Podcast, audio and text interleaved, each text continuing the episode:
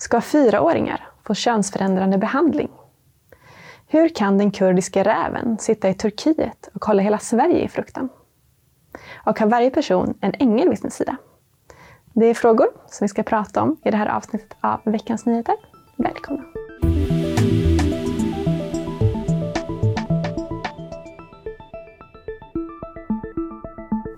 Varmt välkomna till det här avsnittet av Veckans Nyheter med mig Sara Andersson och bibelläraren och ledarskribenten Sven Almqvist. Tack för det. Ja, vi ska börja med att prata om transfrågan. Mm. I Sverige och många andra västländer har det skett en explosionsartad ökning av unga personer som vill byta kön. Mm. Under många år så gick Sverige allt längre i den här frågan. Den förra regeringen föreslog 2018 att det skulle bli lättare att byta kön mm. och att barn från 15 års ålder skulle kunna genomgå underlivskirurgi utan föräldrars medgivande. Men efter att Uppdrag granskning hade sänt en dokumentär om saken 2019 där det framkom att det finns stora brister i den här vården och att det finns lite forskning på det här så drog Socialstyrelsen i nödbromsen. Sån här behandling skulle bara ges på barn i undantagsfall, sa man och manade till försiktighet. Men nu visar en ny SVT-dokumentär att sådana här behandlingar fortsätter ges på vårdinrättningar runt om i Sverige. Trots Socialstyrelsens nya mm. råd, trots att det finns lite forskning, trots att flera personer som har bytt kön klivit fram och berättat att de ångrar sig eller fått vårdskador. Och trots att det finns studier som visar att många av de här unga tjejerna som vill byta kön faktiskt har andra psykiska diagnoser som autism. Mm. Och den här SVT-dokumentären visar att barn från fyra års ålder finns inskrivna på sådana här kliniker. Vad säger du om det här? Men alltså, vi behöver ju stoppa vansinnet. Alltså finns det någon tittare som tror att en fyraåring och uppåt eh, överhuvudtaget ska vara inne i de här processerna. Eh, alltså jag tror att vi offrar helt enkelt barn på en ideologisk altare här. Det är någon form av ideologi bakom det. Eh, där, där, där det här är viktigt att det mm. genomförs mot bättre vetande. jo, men det finns ju ändå barn som mår dåligt för att de upplever att de är födda i fel kön och mm. som har självmordstankar och sådär. Ska de inte få den ja, men grejen är, ju den, grejen är ju den, va? Alltså, det är ju psykologiska problematiker som vi absolut ska tas på största allvar. Men det gör man inte med stopphormoner. Och jag visste ju att den här frågan skulle komma upp. Jag menar, det finns ju forskning som pekar mot att, att det är inte ovanligt med könsidentitetsproblematik i tidig tonår, eller ens i mm. pre-teen-åldern alltså. Men att puberteten är ju den process som faktiskt reder ut för jättemånga de frågorna. Men tar man stopphormoner så hindrar man ju puberteten, som de facto är den process som naturen har gett oss, eller Gud gett oss, att vi ska bearbeta de här frågorna. Så att experterna säger stopp, stopp. Eh, sunt förnuft säger stopp, stopp. Och den ena vittnesbördet efter andra säger stopp, stopp. Men ideologerna och aktivisterna säger fortsätt. Mm. Vilka ska vi lyssna på? Mm. Hur tror du att vi kommer se på det här i framtiden? Jag tror faktiskt Sara, att domen kommer bli stenhård. Eh, eh, kommer du ihåg det här som har med de apatiska barnen att göra? Det var ju en ganska stor sak x antal år sedan. Nu har åren gått och så har det visat sig att de här barnen blir faktiskt vuxna också. Och säger hur dumma i huvudet får ni vara, säger man till vuxenvärlden. Och så förbannar de vuxna. Fattar ni inte att min pappa tvingade mig till detta? Och så börjar man undersöka. Polisen säger vi, vi, vi, vi såg ju vissa tecken. Eh, läkare sa vi såg ju vissa tecken, eh, psykiatrin, vi såg vissa tecken men vi vågade, i stort sett vi vågade inte för det politiska trycket var så hårt. Så vi kommer få se barn som växer upp och blir vuxna. Så vad har ni gjort? Ni som är vuxna ska ju fatta sunda beslut åt oss. Vi kommer att få se skadestånd. Vi kommer att få se läkare som kommer att hamna vid skampålen. För de föll för ett ideologiskt tryck istället för barnens bästa. Mm. Flera stora medier, däribland SVT själva, har ju lyft fram många personer som har bytt kön och framställt det som någonting positivt. Vilket ansvar har medierna själva? Jättestort ansvar, därför att det media gör är ju att man normaliserar det onormala. Eh, eh, faktiskt är det ju så, va? och man påverkar det påverkningsbara. Unga människor är ju väldigt påverkningsbara. Och så gör man någonting som i sig är väldigt extremt undantagsmässigt, som någon form av norm. Va? Och, och, och, då blir det ju plötsligt det. Och jag menar, många människor mår psykiskt dåligt, det måste vi säga, så är det. Eh, hela könsprocessen är ju många gånger ett, någon sätt att behandla sin ångest. Den ska vi ta på allvar. Den måste vi möta. Men inte på, på så sätt att vi permanent skadar barnen. Så att, så att extremt, extremt undantag där det kan finnas sanna eller genuina problematiker har ju blivit någon form av ett psykologisk metod. Mm. Så att, var finns de vuxna människorna i de här processerna? Det kan man ju undra sig. Alltså. Mm. Sunt förnuft! Mm. Vilket ansvar har politikerna då? Många politiker ändrade sig inte i den här frågan förrän det hade blivit stor mediebevakning om det och eh, kanske även opinionen hade börjat ändra sig. Ja, men grejen är ju den, politikerna är ju...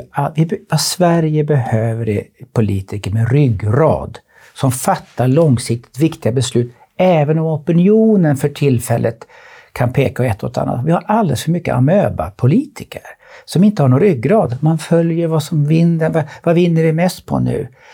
Det finns en och annan politiker som tycker jag står upp. Låt oss ha politiker som fattar, för det är ytterst sett där eh, besluten måste fattas och ge direktiv. Eh, byggt på sund forskning och det är ju det vi får rapporter om nu då. Så att ryggrad för våra barns framtids skull. Mm. Ja, vi får sätta punkter. Mm. Vi ska byta ämne. Ja. Och då handlar det om våldsspiralen som har blivit allt djupare i Sverige. Ja, verkligen. Det har nämligen blivit allt vanligare att anhöriga till kriminella är måltavlor i olika hämndaktioner. Förra veckan sköts en kvinna i 60-årsåldern i Uppsala ihjäl. Och hon var mamma till en person inom gängkriminaliteten. Några dagar senare sköts det mot en annan fastighet i Uppsala där en anhörig till en annan gängkriminell bodde. Och i tisdags så sköts en 23-årig man ihjäl i en trappuppgång i ett annat hus i Uppsala, mm. där ytterligare en anhörig till den här kriminelle bodde. Men den som sköts ihjäl verkar inte ha varit inblandad i det hela, utan var en vanlig person som var på väg till sitt jobb inom hemtjänsten. Mm. Sen har det här bara verkat fortsätta. Det har skjutits i Sollentuna, i centrala Stockholm, i södra Stockholm. Vad säger du om den här utvecklingen? Alltså, eh, jag, jag, jag tror många säger så här, man är riktigt, riktigt trött på allt det här som händer nu. Jag pratade med en granne häromdagen bara. Och han sa en lugn historia. Han sa nu får det vara nog. Som sa några andra ord som jag inte vill citera här. Alltså poängen är den. Det, det, det finns en enorm trötthet tror jag, hos svenska mm. folket över detta. Och en frustration. Och, och, och en rädsla också, men kanske också en viss undran. Hur kan en person sitta i Turkiet, en räv i Turkiet, och, och, och hålla en mer eller mindre en nation som Sverige som gisslan, enkelt uttryckt. Det är ju nästan en förundran över hur, hur, hur är det möjligt? Mm. Där någonstans tror jag det verkligen finns ett suck och mm. ett rop och en förundran. Alltså. Mm. Den här kurdiska räven, mm. gängledaren Rava Majid som vi pratar om, han gömmer sig i Turkiet där han har fått eh, turkisk medborgarskap men han har rötter i irakiska Kurdistan.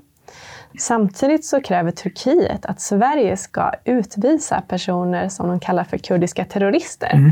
Men själva vill de inte utlämna den här Rawa Majid. Mm. Vad säger du om det? Ja, men alltså, det är ju storpolitik i sin sämsta form, va? eller hur? Alltså, Erdogan är ju en, är en hästhandlare. Va? Han vill ha någonting för det va? hela tiden. Och eh, det är ju, för mig får jag inte ihop logiken. Han vill själv ha svenska medborgare som är brottslingar eller terrorister men själv lämnar han inte ut terrorister då. Eh, för det här är verkligen en terrorist i ordets definition, va? eller hur? Så ja, men, ja, det är ett sånt, det är ett sånt gytter eh, att eh, man säger så här, respekten för storpolitik ökar inte utan föraktet ökar. Mm de här hämndaktionerna som äger rum i Uppsala nu verkar handla om att ett gäng, det här Foxtrot-nätverket, har splittrats. Mm. Och att den första ledaren, den här kurdiska räven, och ledaren för den nya delen är i konflikt med varann och verkar mm. skjuta mot varandras familjer. Hur kan man gå så långt att man skjuter mot någon som kanske är en mamma som hon har varit hemma hos och fått mat av?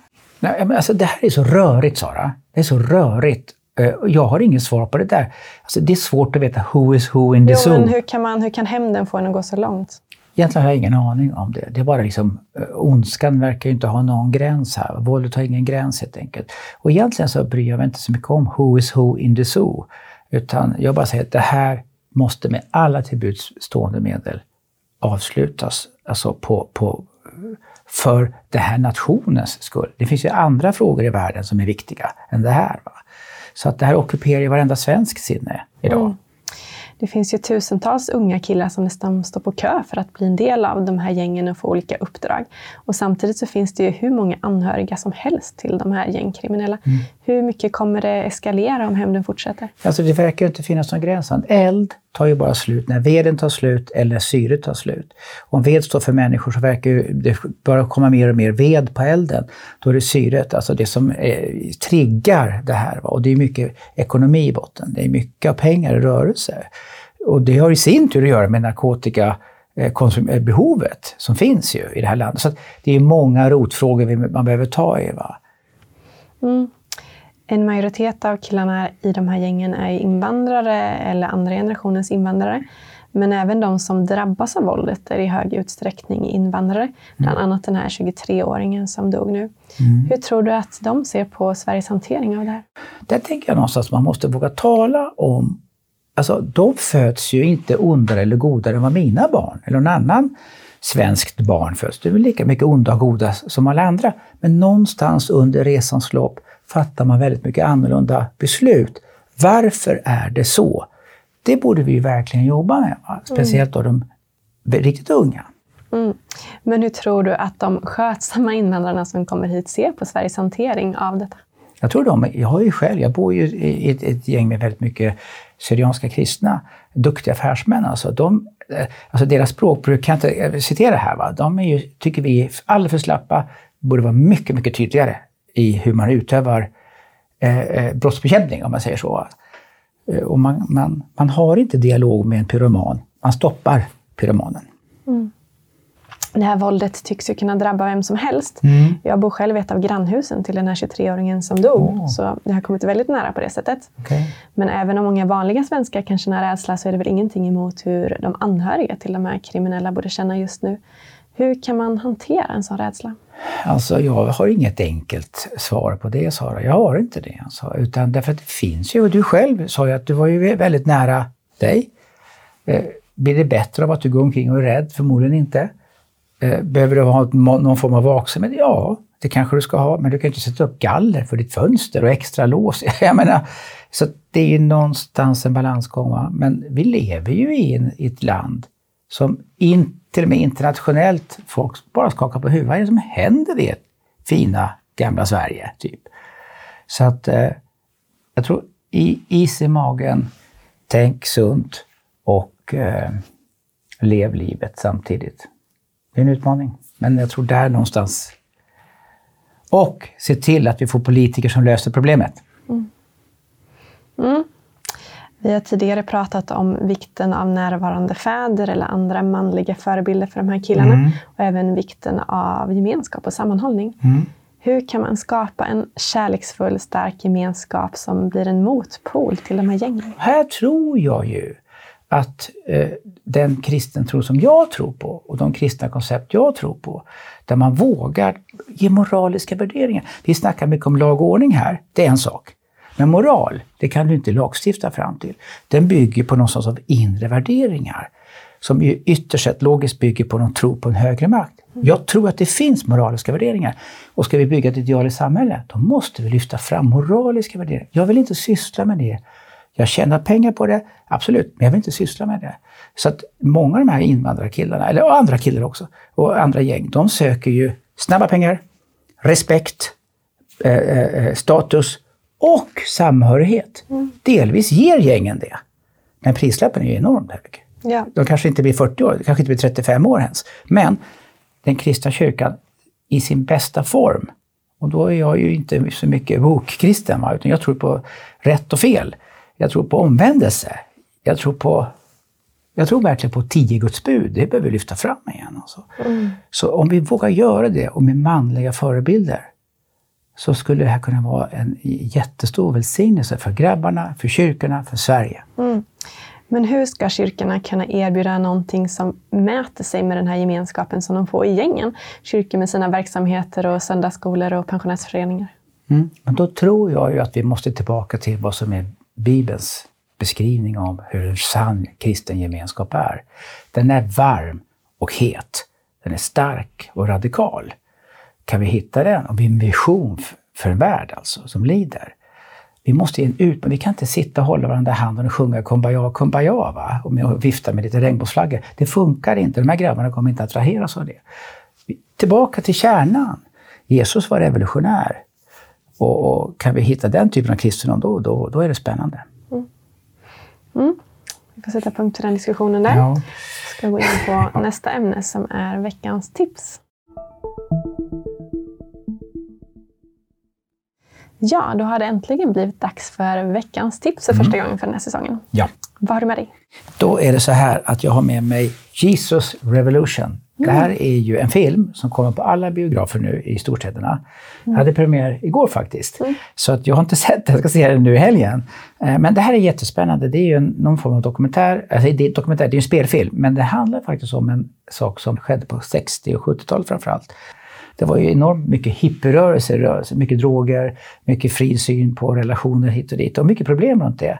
Och så kom det här med Jesus Revolution och eh, Jonathan eh, Rumi är ju eh, huvudrollsinnehavare. Eh, jättespännande, fått otroligt bra kritik. Så att jag rekommenderar verkligen, inte minst med tanke på det vi snackar om. Mm. Så vi skulle behöva en Jesus Revolution faktiskt i västvärlden. Mm. Och hela världen för den delen. Yes, tack för det tipset. Mm. Vi ska gå över till nästa ämne. Ja. Och då handlar det om en teologisk fråga om änglar. Ja, vi har pratat om det som kallas för den andliga verkligheten tidigare mm. och då främst fokuserat på demoner. Idag tänkte jag att vi skulle fokusera lite mer på den ljusa sidan av mm. det, nämligen änglar. Mm. Till en början, kan man verkligen tro på änglar? Kan man tro på kärleken? Kan man tro på gravitationskraften? Absolut. Oavsett om du upptäckt eller inte så finns de. Det finns. Kärlek finns, kraft, gravitationskrafter finns, änglar finns. Mm. Mm. Om man tittar på bokmärken så framställs änglar som knubbiga små barn med mm. vingar. Mm. Hur är änglar enligt Bibeln? Det är inte knubbiga barn med vingar. Däremot så beskrivs de faktiskt som väsen som när de blir synliga har, en, har det vi skulle kunna kalla för vingar, faktiskt. Eh, ja, men enligt Bibeln så är det eh, andliga entiteter, alltså verkligheter, som, och, eh, alltså, som har egna identiteter, eh, har namn, eh, har eh, uppgifter och kan synliggöra sig också vid vissa tillfällen för människor. Så att det är en otroligt spännande världsbild som, som Bibeln lyfter fram. Oavsett om du tror på det eller inte så, så lyfter Bibeln fram det. Mm. Eh, och jag tror ju på det. Va? Och det finns goda änglar och som du själv säger onda änglar som har fallit med Lucifer, enligt Bibelns världsbeskrivning. Och det är de goda änglarna. Det finns också olika ordningar. Det talas om serafer, keruber, ärkeänglar, tronänglar, tjänsteandar. Så jag tror varje människa tror du har en ängel eh, bredvid dig just nu, och jag med. Så att, och varje tittare tror jag har det faktiskt. Mm. Vad har de för uppdrag, de här änglarna? Då? Deras uppdrag är framför allt att betjäna människor som eh, vill gå med Gud. De är egentligen för att skydda oss, men det är viktigt. Det är inte vi som befaller änglarna nämligen, utan det är änglarnas chef, Gud, som gör det. Eh, men de vill vara till hjälp. Ja, de är tjänsteandar, alltså mm. krafter som hjälper oss. Vi brukar ibland säga det, oj, jag hade änglavakt. Och det kan ligga någonting i det. Samtidigt så är det inte så enkelt, utan det finns flera aspekter runt det. Men, mm. men de finns, Sara. Eh, och de vill aktiveras och bör vara aktiverade för att vara dig till hjälp. Mm. Ja, men om det nu finns änglar, varför skyddade de då inte den här 23-åringen exempelvis som blev mm. skjuten till döds här i Uppsala? Exakt, då kommer vi till en ganska lång ekvation som har att göra med den fria viljan. Därför att eh, vi är inte baronetter i änglarnas värld. Du kan inte dra ett exempel och sen dra en generell princip om det. Utan, mm. äh, änglar finns och, de är, och goda änglar finns och de vill vara oss till hjälp. Mm. Vissa personer upplever ju att de kan prata med änglar och ha ängeln som någon form av andlig guide. Mm. Vad säger du om det? Det finns mycket att säga om det. Det finns också stora faror med det, därför att en del änglar som är onda kan klä sig i ljusets gestalt. Så, så här finns det. Men Bibeln som jag bygger min tro på, har exempel på när änglar ändå kommunicerar med, med en Daniel eller med en mm. Johannes i Uppenbarelseboken och så vidare. Så att änglar kan komma och tala. Mm. Men vi ska inte söka kontakt med dem då, eller? Nej, vi ska söka Gud. Eh, och Gud kan kommunicera med oss via att han sänder en ängel. Mm. Så det är viktigt med ordningar och regelverk. Här behöver vi undervisning. Så, eh, och det finns undervisning att få. Mm. Har du någon egen erfarenhet av änglar? Ja. Vad händer? Det behåller jag för mig själv.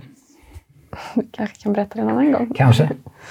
Okej, ja, vi får sätta punkt där. Men jag tänkte att vi skulle fortsätta diskussionen ja. om änglar i nästa program och prata lite mer om ifall vi kan påverka det som sker i den här andliga världen. Just det, gärna. Mm. Tack så mycket Sven för att du är med oss. Tack själv. Och tack till er som har tittat. Har ni förslag på andra frågor som ni vill att vi ska ta upp får ni som vanligt gärna mejla dem till oss. Och vill ni stödja det här programmet så kan ni gärna swisha en gåva och då kommer det lite information om det alldeles strax. Ha det bra!